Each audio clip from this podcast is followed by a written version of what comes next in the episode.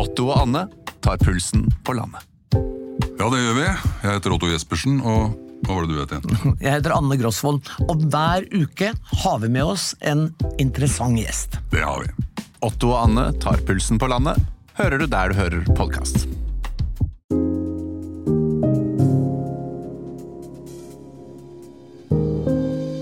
Fredrik og Kadafi, en podkast fra TV 2. Vær så god. Kadafi. Ja. Nå har det pågått lenge. Ja, og det er eh, Vet du hva, nå er, det er så trist å, å lese nyheter, se på TV. Samtidig så må man jo. Man må jo se hva som skjer, og hva som er siste nytt.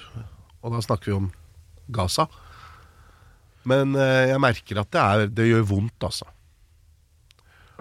Og i hvert fall når man går på sosiale medier og andre steder hvor det er bilder som vanligvis norsk presse ikke viser, og filmer som er altså uredigerte. Vi i pressen blir beskyldt for å være partiske, og denne gangen på, får vi mye mer kritikk fra eh, den siden vi normalt ikke får så mye kritikk fra. Det har jeg merket. De Ja som, de, folk mener at vi, vi ser for lite av lidelsene på Gazastripen.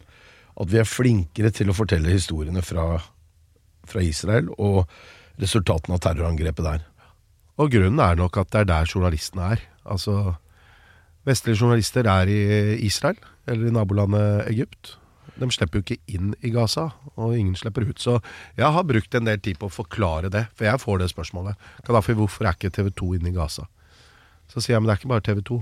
NRK er heller ikke der, VG er ikke der, Dagbladet, Aftenposten. Og det er fordi man slipper ikke inn. Journalister vil inn.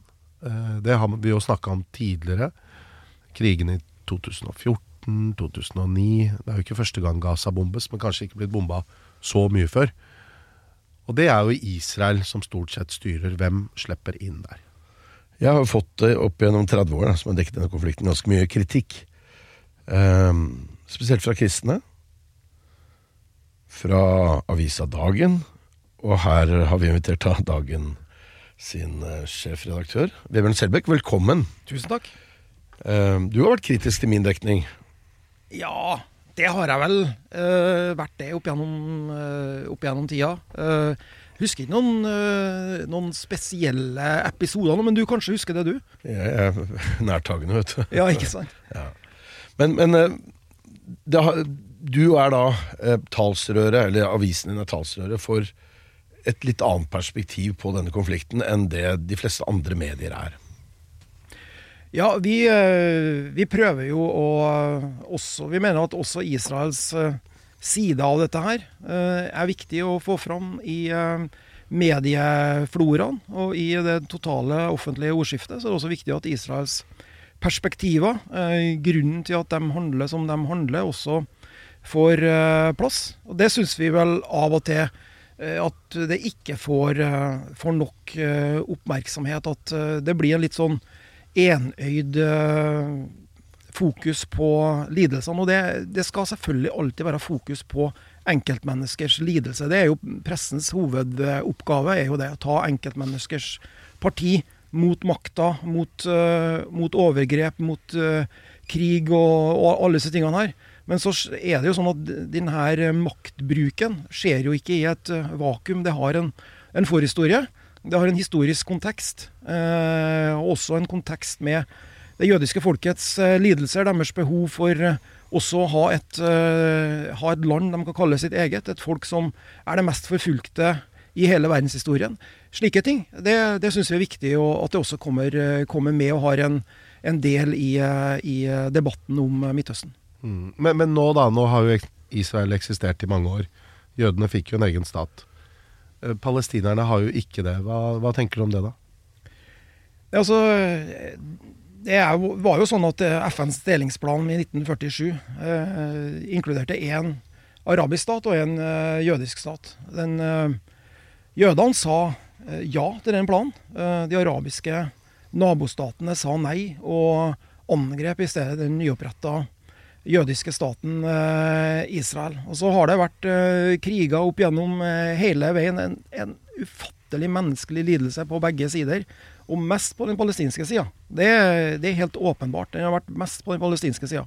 Så må man jo håpe at eh, resultatet en eller annen gang i framtida kan bli to folk som lever i fred med sine eh, stater. Men dessverre, den visjonen er nok eh, fjernere nå enn den har vært eh, noen gang. Hvor skal den eh, palestinske staten ligge da? Nei, det må jo, det må jo være snakk om, om Gaza og, og Vestbredden, det. Altså, men, men du må huske at de områdene der har, har jo aldri vært en palestinsk stat. Altså, når man snakker om okkupasjon, snakker om seksdagerskrigen og alt det der, så var jo Gaza var jo egyptisk kontrollert territorium. Eh, Vestbredden var jordansk kontrollert territorium. eh, som Israel eh, erobra i den krigen. Det har aldri vært noen palestinsk stat. Men det er klart at, at FN-vedtaket fra 1947 forutsetter at det skal være en, en, også en arabisk stat i det tidligere britiske Palestina-mandatet. Og det, det fjerner det nå enn en noen gang. Og, og på en måte, jeg ser ikke Jeg ser ikke jeg ser ikke den løsningen. Og, og det, litt av problemet her er jo også at sporene fra Gaza på en måte skremmer. Fordi at Gaza eh, ble jo på en måte IDF, de israelske styrkene, trakk seg ut av Gaza. Israel trakk seg ut. Man demonterte bosetningene der. Trakk seg ut i august 2005. Og sa at ok, nå prøver vi dette her. Eh, land eh, mot fred. Nå, nå, nå stasjonerer vi ingen soldater her. Nå får vi se. Og det som da, det som da og Den palestinske selvstyreadministrasjonen fikk kontrollen på Gazastripa. Og det er klart at det som har skjedd fra eh, 2005 fram til nå, det er ikke akkurat noen hva skal jeg si, Det gir ikke akkurat eh, verken Israel eller verdenssamfunnet eh, så veldig gode argumenter for at eh, man må gjøre, prøve akkurat det samme eksperimentet på hele Vestbredden. og bare si at vet du hva, nå gir man opp dette her. Palestinsk eh, stat på Vestbredden. Eh, ikke noe IDF, ingenting.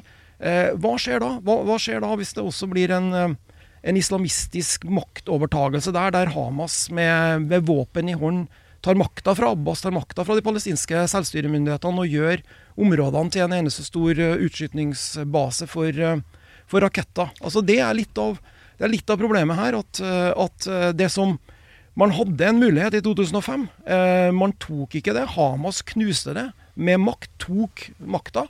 Og, og har siden holdt befolkninga der som, eh, som menneskelige skjold. Men Hamas vant jo da også eh, det eneste eh, valget de har hatt i, eh, i Palestina. Ja, de vant jo valget og, og var jo de rettmessige makthaverne, men, men eh, selv om palestinerne ville ha det, så var det ingen andre som ville forholde seg til at de faktisk vant. Så man fant en annen løsning. Har, Men, men, men bare vel akkurat det der, for det, det er litt viktig, Fredrik, synes jeg, akkurat det, poenget her. For at når det gjaldt det valget, så var det jo sånn at eh, ja, Hamas vant det. Men de vant det knapt. De fikk vel 45 av stemmene. Og, og Fatah, Abbas sitt, eh, den palestinske presidenten Abbas sitt parti fikk 41. Så det var jo ikke akkurat en, en eh, veldig, veldig overlegen seier. Så danna de en samlingsregjering. Eh, og så eh, tok Hamas makta, kasta Fatah og, og Abbas sitt styre ut av eh, Gazastripa, og har siden holdt eh, kontrollen på, på Gaza. Så, så det her, ja, man fikk flest stemmer, men man fikk ikke et absolutt flertall. Og det var en samlingsregjering. Et, eh, en, en regjering som, som Hamas valgte å, å gå ut av, og i stedet ta makta eh, med våpen i hånden. Men Vebjørn, forstår du altså palestinernes frigjøringskamp? Altså motstand mot okkupasjon? Hva hadde du Ja. gjort da hvis eh, Norge hadde blitt okkupert? Vi har jo vært okkupert før. Ja. Eh, jeg forstår eh, For å si det sånn, jeg har en veldig respekt for det palestinske folkets lidelse. Det er et av de de folkene de siste 70 årene som har lidd mest. Det, det, det, det er helt åpenbart. Jeg benekter ikke det. Og, og jeg benekter heller ikke at, eh, at, det er, eh, at Israel er hard i klypa. Absolutt. Det er man. Eh, og- Klyper jo ikke akkurat nå, er det jo Ja, mer enn 3000 drepte barn. ja. Det, det, og, og, eh, det er forferdelig. Og jeg mener, skal, jeg mener man skal ha respekt for menneskelig lidelse. Eh, Det må være første punkt, både for pressefolk som snakker om, men også for oss som enkeltmennesker. Så må det være det. At vi, vi, eh, vi sørger over og, og tar det inn over oss og, og prøver å, å kjenne på den menneskelige lidelsen. Jeg sjøl både pappa og bestefar også. Jeg har et barnebarn på, på tre år, og vi har snakka om det hjemme. Hvordan, hvordan er det å på en måte ha ansvar for, øh, for barn i en sånn situasjon der det bombes? Det er, det er helt forferdelig, helt ufattelige menneskelige lidelser. Jeg mener jo at eh, de lidelsene er det eh, også Hamas som må ta hovedansvaret for. De visste veldig godt hva de gjorde den 7. oktober, da de eh, gjennomførte det vi må kunne kalle en pogrom inne i Israel. Der man slakta ned eh, mennesker, førte folk inn i, i store mengder inn på Gazastripa, holder dem fortsatt som gisler. Har siden 7. oktober fortsatt å skyte raketter inn over Israel. Det gjøres fra, fra eh, tett befolkede områder. Jeg mener at det er, også, det er også Hamas som må ta hovedansvaret for det. Eh, Israel er ikke, ikke uten, uh, uten, skyld, dem heller. Selvfølgelig ikke. Men det er forskjell på en, et lands uh, militærmakt og, og, et terrorregime som bevisst går etter sivile. Uh, Nå er det jo slik at veldig mange kanskje ønsker å sette større krav til Israel. Fordi Israel påberoper seg å være et fritt demokrati. Eh, det er en stat som eh, ligner på mange vestlige stater i måten den er bygd opp på. Og de ønsker å være dette frie demokratiet som vi ikke ser overalt ellers i, i Midtøsten. Da stiller man jo ekstra krav til Israel. Ja. Syns du ikke det er riktig? Jo, jo, det syns jeg er helt riktig. Selvfølgelig men, men, men nå, nå eh, Altså, det som skjedde 7. oktober, det, det var jo et brudd på folkeretten. Det er forbrytelse. Terrorangrepet 7. oktober i Israel. Det, det, ser alle. Men nå bruker altså Israel et nye brudd på folkeretten ved å eh, hevne dette angrepet.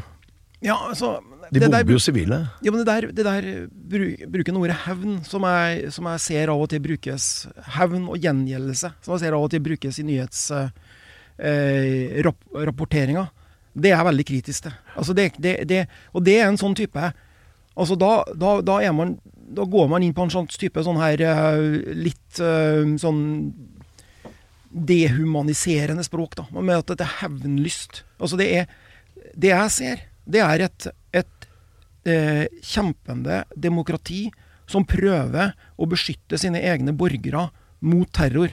Og det er en regjerings Det er den norske regjeringa òg. Regjeringa også. Fremste skyldighet er å beskytte sin befolkning mot å bli drept i sitt eget land. Og for det jødiske folket så er det klart at den pogromen som vi ser eh, 7.10, det var en slags sånn type sannhetens øyeblikk. Fordi at Israel ble jo oppretta nettopp for at det jødiske folket ikke skulle behøve å gjemme seg bak stengte dører og håpe at eh, de voldsmennene som lusker utenfor, skal klare å bryte ned døra eller brenne huset. Det var jo derfor, Dette opplevde man i Øst-Europa, dette opplevde man i Vest-Europa, opplevde man egentlig over hele verden å bli forfulgt og drept fordi man var jøder. Så ble staten Israel oppretta, og den 7. oktober opplevde man akkurat det samme, den samme typen pogromer, den samme typen blodtørsten etter jøder, den samme typen å gjemme seg for voldsmenn. Man opplevde i sitt eget land. Det som skulle være den trygge havna. Og det jeg ser nå, det er et land som prøver å forsvare seg mot dette her. Eh, dette, 7. Men, men, oktober er Men, men ja. hvordan forsvarer man seg ved å drepe sivile? Altså det som skjer i Gaza nå. Eh, er ikke det pogrom? Tror du ikke de opplever det samme? Eh, Israel går ikke bevisst etter sivile. Det er, det, er kjempe, det er, kjempeviktig. Hvem er det som dreper de, da? Jo, men, men det, er å, det er forskjell på å ta seg inn i Israel. Angripe en musikkfestival, prøve å drepe så mye folk som mulig inn i en kibbutz. Eh, eh, drepe folk med kniv og skytevåpen. Det er forskjell på det og prøve å ta ut aktive rakettutskytningsbatterier. Men Israel bomber jo sykehus. altså De har jo bomba skoler. De bomber ambulanser. De, de, de, de, har bombet tusenvis av sivile, drept flere tusen barn. Ja, mener, Men, men for å spørre dere, da. For, for å spørre dere tilbake, da. Tror dere at Israel bevisst går inn for å ja. drepe så mange sivile som mulig? Tror dere det? Jeg, nei, det tror jeg ikke. Jeg, jeg tror vært, du det, Kadafi? Nei, jeg tror ikke det, men jeg tror at hvis man bomber et sykehus i Gaza noen ganger. Eh, Og eh, jeg tror at de primært ønsker å gå etter militære mål. Da er vi enige om det. Problemet er at Gaza er et tett befolket område. Så det er sånn, Når du slipper en bombe på Gaza, så vet du at du dreper sivile. Eller hvis Bomber du Gaza, så bomber du barn. Det er noe israelerne vet, og alle som bomber, eller som har fulgt med på dette, vet at det er barn som blir drept i den konflikten. Så når de slipper disse bombene, så vet de at de kommer til å drepe barn. Og så er det mange som sier at ja, Hamas gjemmer seg blant sivilbefolkningen. ikke sant? Akkurat som israelerne gjør. Israelske militære hovedkvarter ligger midt i Tel Aviv. Stor bygning midt i Tel Aviv. Israelske soldater flest sover hjemme i sengene sine om natten.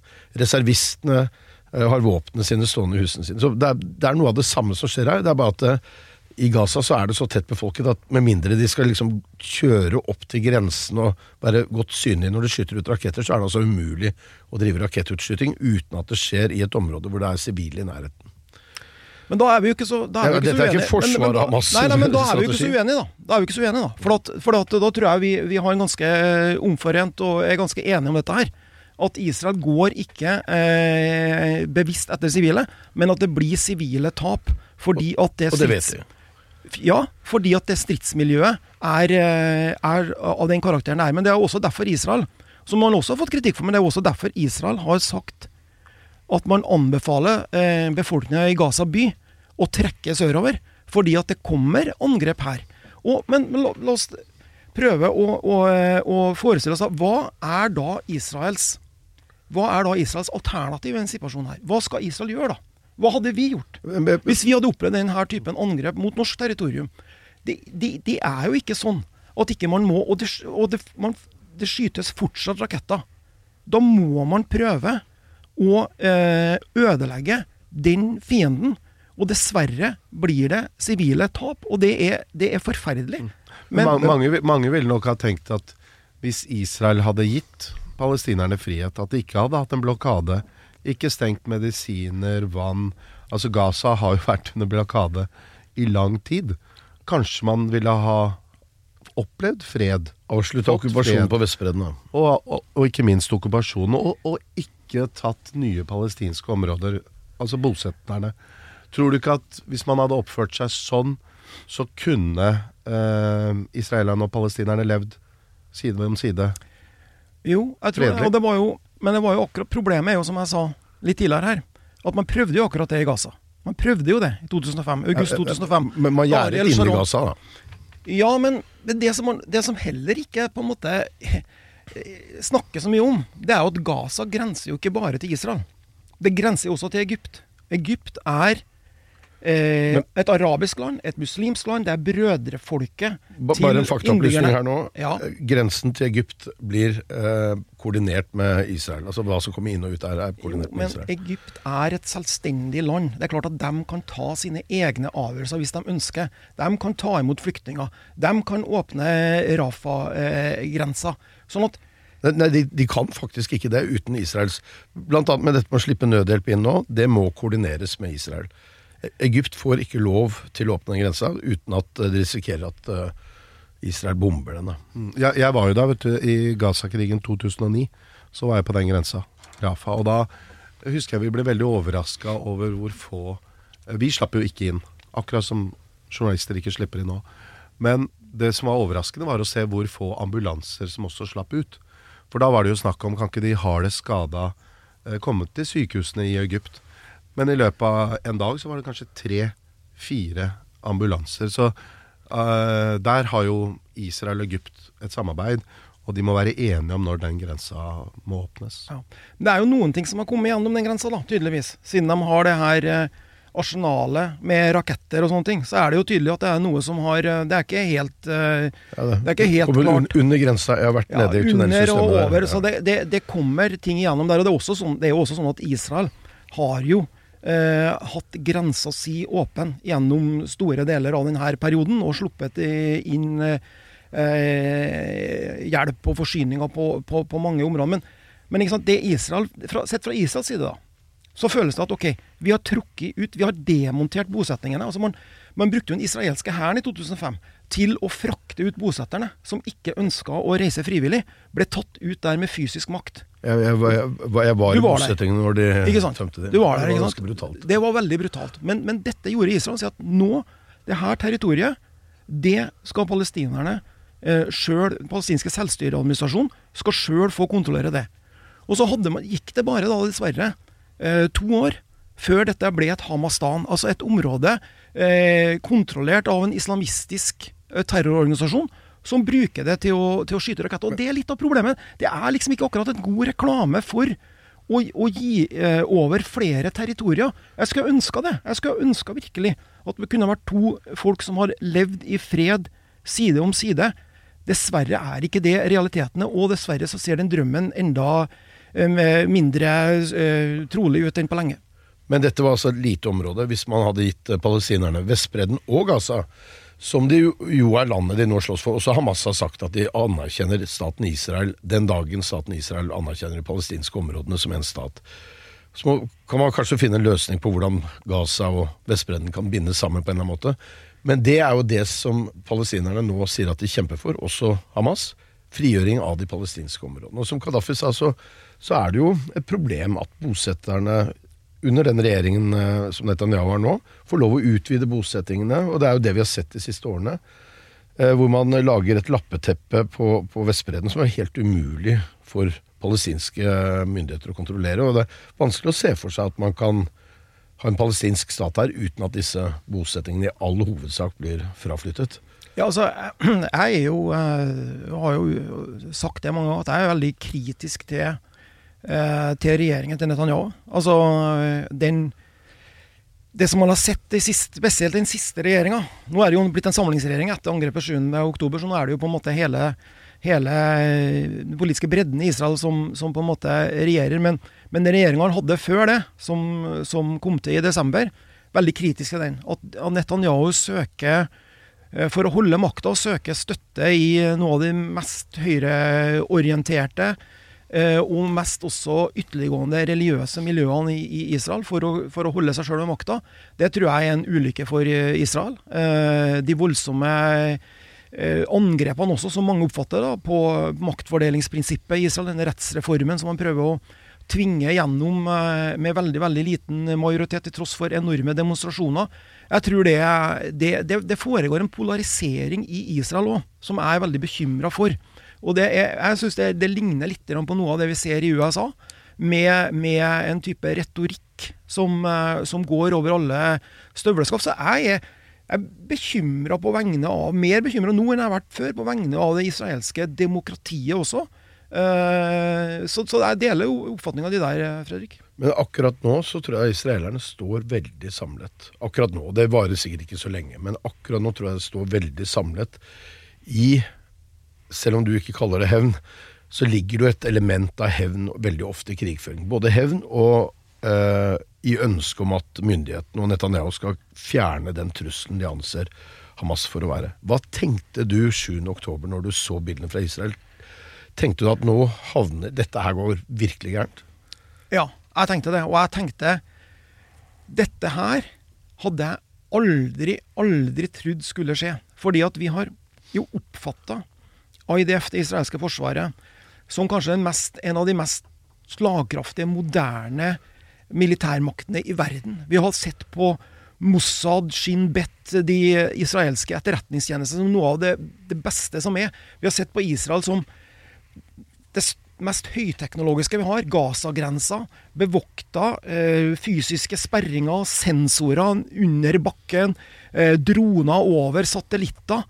Så opplever man altså at man kan få et angrep inn over eh, fra Gaza, inn i Israel.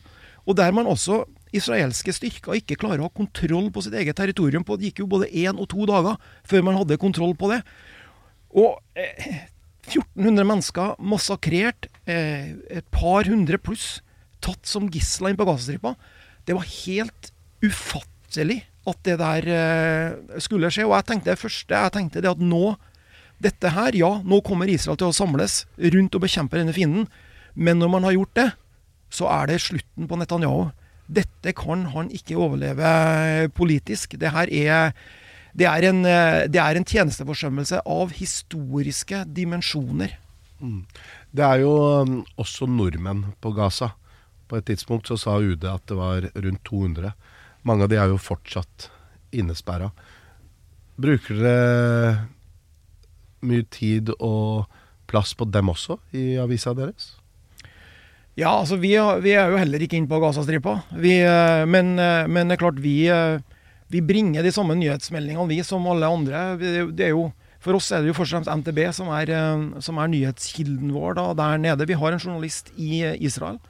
Men, eh, men, men klart at, at, det er en, en kjempevanskelig situasjon. For vi, vi håper at, selvfølgelig at alle nordmenn skal komme seg, komme seg ut der. og, og Eh, jeg fatter jo ikke hvorfor ikke Egypt åpner denne grensa. og Israel har heller ikke noe imot at, kommer, at nordmenn kommer ut fra, ut fra Gaza. Men, men litt av, altså, nå snakker man om at det, ja, det, er Israel som på en måte tvinger eh, Egypt her, og at Egypt ikke har kontroll på sin egen grense. Det, det, ja, jeg vet det foreligger noen avtaler der, og sånne ting, men, men det er klart at Eh, Egypt er en selvstendig stat. De, de bestemmer sjøl hvem som kommer over der. Og det at eh, men, men De ønsker for, ikke to millioner flyktninger? Ja, Nei, det, vil de, det ønsker de ikke. Og det, og det, er også sånn at Men en annen viktig grunn til at Egypt også har holdt denne Rafa-grensa, den har jo tidvis vært mer stengt enn grensa i, fra Israel inn, inn i, i, Gaza. Det har jo vært at eh, de, de egyptiske makthaverne er også redd for spredning av den her eh, ekstreme islamismen som Hamas eh, representerer. De ønsker ikke en destabilisering av sitt eget territorium. De, de samarbeider også med Det muslimske brorskapet i Egypt, og, og, som er en utgjør eh, antageligvis en, en, trussel mot det egyptiske regimet. Sisi ikke sant, kom jo til makta etter å ha nedkjempa Det muslimske brorskapet. Som jo også, muslimske brorskapet vant jo også et valg. ikke sant? Så det er, jo, det, er, det er jo litt av problemet her. At Hamas, det muslimske brorskapet, disse ekstreme islamistiske organisasjonene har veldig stor folkelig støtte. Og det, det, det må vi ikke glemme, altså. Dette er, dette er, Denne typen ekstremisme har stor folkelig appell og stor folkelig støtte i en, del av, uh, i en, i en veldig stor del av den muslimske verden. Og det er noe av problemet her, det òg. Men tror du ikke at det har med okkupasjonen å gjøre? Altså, i Egypt så var det jo Hosni Mubarak styrte jo landet med jernhånd. Muslimske brorskapet kom etter arabiske våren. Tror du ikke det at når folk holdes nede og Altså, Gaza er bokstavelig talt uh, innestengt. Det omtales jo som verdens største fengsel. Hvordan tenker du at uh, Hamas har jo ikke oppstått i et vakuum? Nei, men jeg ser ikke noen jeg ser ikke noen automatikk i at det må bli en religiøs ekstremisme av det. Altså, Hvorfor må det bli det? Hvorfor eh, eh, Altså, det palestinske Og der har det jo der har det historisk skjedd, eh, sett skjedd en endring i den palestinske hva skal vi kalle det, motstandskampen. da, Som jo i stor grad var sekulær før. Altså Fatah, PLO, Yasir Arafat Det var jo ikke akkurat religiøse eh, folk som ba veldig ofte, og, og som hadde en, en type religiøs eh, grunnlag for, for, sin kamp. Det, det var sosialisme, panarabisme, disse tingene her. Men så har man sett hvordan det har gått da, over i det religiøst ekstreme. Både i Egypt eh, og i de palestinske områdene. Jeg ser ikke at det er en sånn nødvendig historisk utvikling. At det skal bli på en måte eh, ekstrem islamisme som er svaret på, på de utfordringene som, eh, som det palestinske folket har. Nei, men er det ikke selveste Larsen som ringer, da? Ja, hvordan går det? Jo da, det kan ikke annet enn å klage, si. ja, hva er det du lurer på i dag, da? Nei, eh, eh, jeg bare tenkte på eh, Ja, hva tenkte du på? Den fakturaen som har forfalt. Å oh, ja, den ja. Oh, oh, jeg må rett og slett bare ha glemt den fakturaen. Visste du at åtte av ti betaler etter første purring? Ikke vent for lenge. Med Amili, en ny løsning fra Visma, får du alt du trenger for raskere betaling. I én komplett løsning. Se hvordan på amili.no. Før vi skifter tema, så vil jeg bare spørre deg om uh, en ting. De, jeg, jeg, får en del uh, meldinger da på sosiale medier. Uh, både hyggelige og ukoselige. nå kommer de ukoselige fra begge sider av denne konflikten. Men en del av de er fra miljøer som nok abonnerer på avisa di. dagen. Og de Noen av de blir sinte når jeg sier Palestina. De sier at det finnes ikke noe Palestina. Det er, alt dette er jødenes land. Eh, det skal ikke være noe palestinsk stat. De kan dra og bo i andre arabiske land. Er det ikke slitsomt å ha sånne lesere? Nei, jeg, jeg setter pris på alle leserne som jeg har Fredrik, akkurat som dere i TV 2 og podkasten. Jeg setter pris på alle lytterne. Men, men det, som, det som er viktig, eh, og som, som, eh, som jeg tenker mye på, det er jo også, eh, at man trenger på en måte internrevisjon i alle miljø. Og jeg er opptatt av det, å bekjempe på en måte eh, tankegods som, eh, som måte dehumaniserer palestinerne, og som ikke er opptatt av menneskelig lidelse på begge sidene. Det er, det er forferdelig. Og og, og det, det finnes. Og, og, det, det løfter jeg stemmen min mot. Det er ikke sånn at jeg bare sitter og, og snakker Israels uh, sak og er enøyd. Jeg ser også utfordringer, uh, palestinske folkets lidelse av palestinske folkets utfordringer, og ser også trekk i Israel-vennlige miljøer som bekymrer meg. Det gjør jeg. Vi hopper tilbake vi, i tid til 2005-2006. Da publiserte Aftenposten en faksimile av noen Mohammed-karikaturer som eh, opprinnelig sto på trykk i den danske avisa Jyllandsposten. Eh, årsaken til at Jyllandsposten valgte å trykke det, var at eh, det skulle lages en barnebok om profeten Mohammed, fred være med ham, i eh, Danmark. Men ingen ville illustrere, i frykt for at de skulle eh, lide en eh, dårlig skjebne. Så syns Jyllandsposten dette var et viktig, po viktig poeng å gjøre, eh, eller å gjøre noe poeng ut av, å og fortelle at eh, eh, man fryktet å tegne profeten. De uh, utlyste en eh, konkurranse. 40 tegnere ble bedt om å tegne profeten. 12 av det eller noe sånt gjorde det. Og så trykket Aftenposten en faksimile av disse her eh, i forbindelse med at man omtalte saken. Dagbladet gjorde det. Og så magasinet som du var redaktør for, Vebjørn. TV 2 har også trykket det senere, Dagbladet òg. Men du, det var liksom du som tok kampen her, da. Ja, det var jeg som fikk skylda, i hvert fall. Ja. Ja. Kadafi ble, det ble mye bråk av det. Fordi disse karikaturene og faksimilene de, og avisoppslagene de havnet eh, nede i Midtøsten. Og så begynte folk å rase mot Norge og Danmark. Du ble sendt Kadafi, til Du jobba i VG, du. Ja, da jobba jeg i VG. i den gangen. Februar 2006 så var jeg nok i Libanon. Og der var det jo sånn at man storma den danske ambassaden. Det var, jeg tror det var mer enn 10 000 i gatene. Det var ordentlig sånn eh, Ja, det, der eh, følte du på et enormt raseri. Og det var ikke så populært å gå rundt og si at uh, yeah, I'm from Nor Norway. Og det var nok godt hjulpet av at det var noen danske imamer som hadde reist ned til Midtøsten med disse tegningene, Uh, og spredd dem, egentlig. Men her hjemme var det jo Du var jo Og da var det jo første gang jeg møtte deg òg. For du sto midt oppi dette. Jeg reiste til eh, Jeg reiste flere steder. Jeg reiste til Gaza. Eh, Og grunnen til at jeg gjorde det, var jeg, fikk, jeg var i Jerusalem, fikk en telefon eh, fra noen som fortalte meg at en gruppe i Gaza hadde bestemt seg for at de skulle drepe nordmenn og dansker.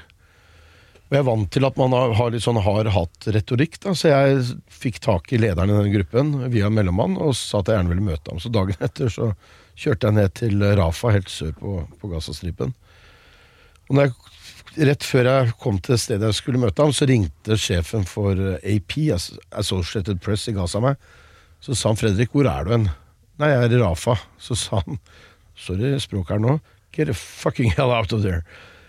Eh, Da sto det en gruppe der og ventet meg, og de hadde tilkalt alle de lokale fotografene og TV-folka, så de skulle stå klar og filme meg i det lys, eh, rundkjøringen jeg skulle møte disse folka i. Så hva de hadde tenkt å gjøre, vet ikke jeg, men noe spektakulært var i ferd med å skje med unge Gressvik, men det skjedde heldigvis ikke. Så noen av oss fikk føle dette litt, eh, litt rann, tettere på kroppen, Vebjørn. Da er vi jo i samme båt, da. Ja, ja, du fikk jo ja. det etter hvert også. Men har du noen gang angret på at du trykket uh, karikaturene?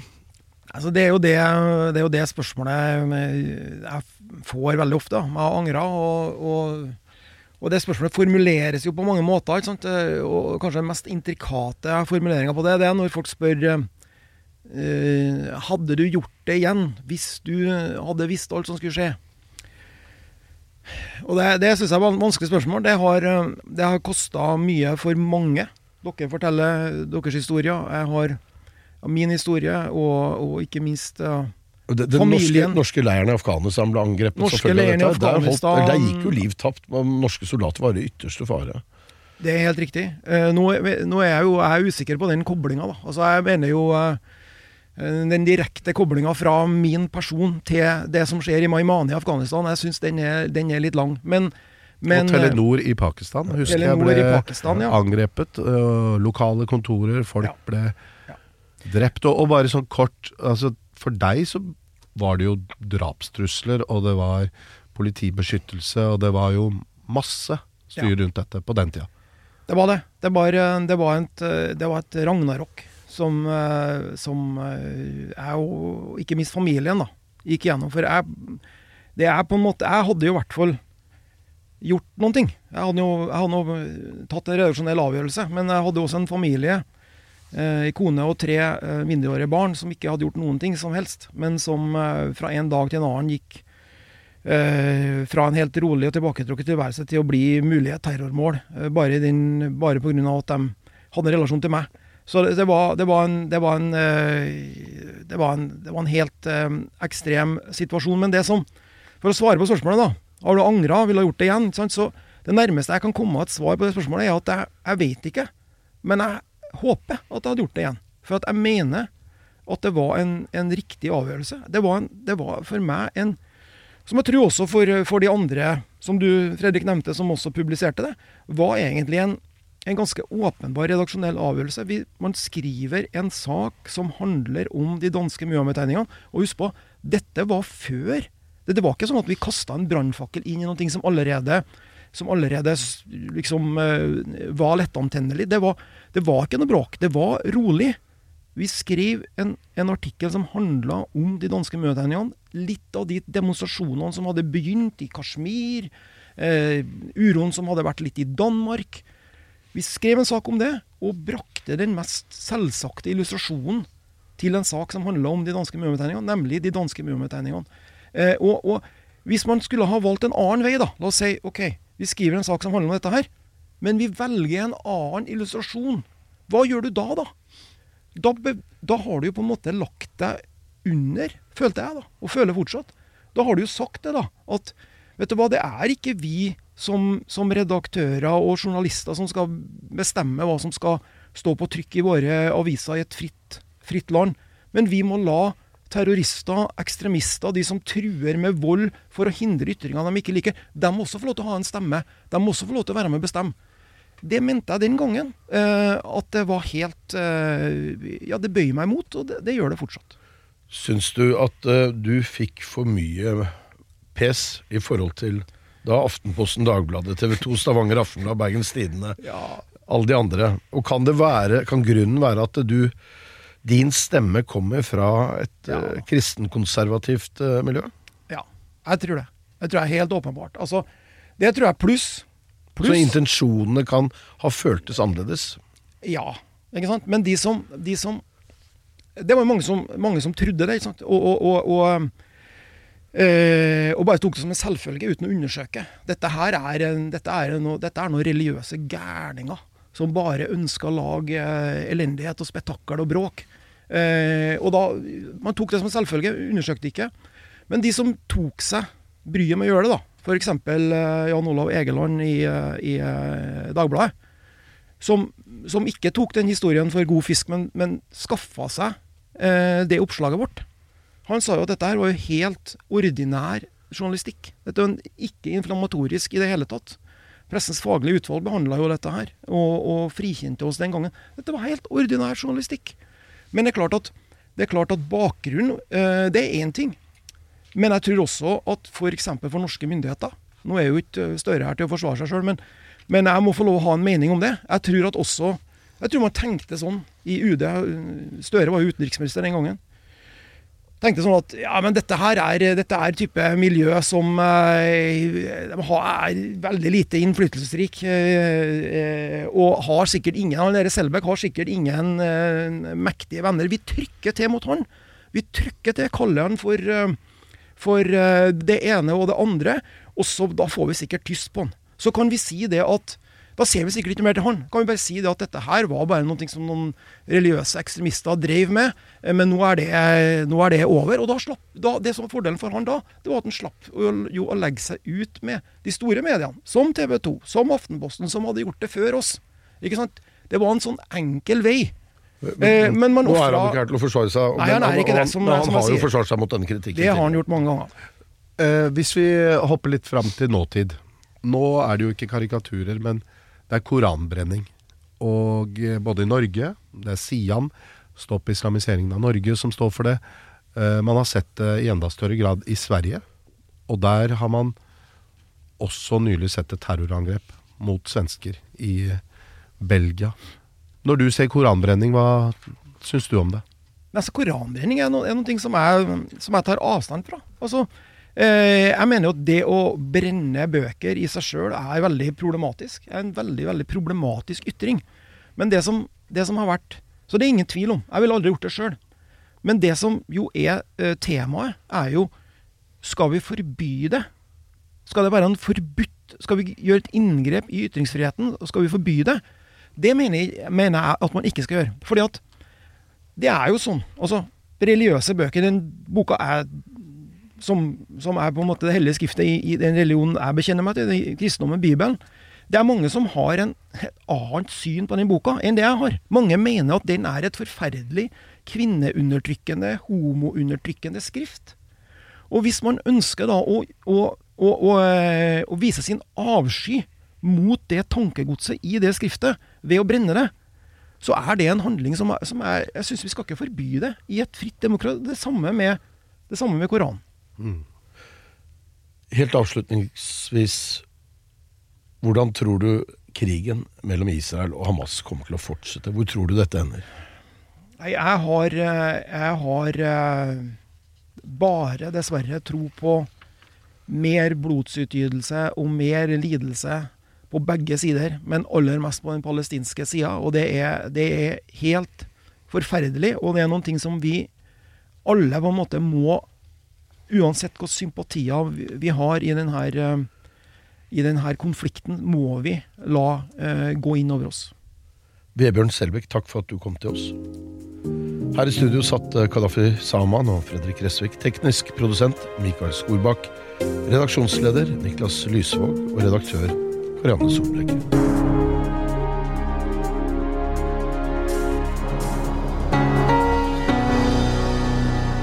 Denne podkasten er produsert av Bauer Media for TV 2.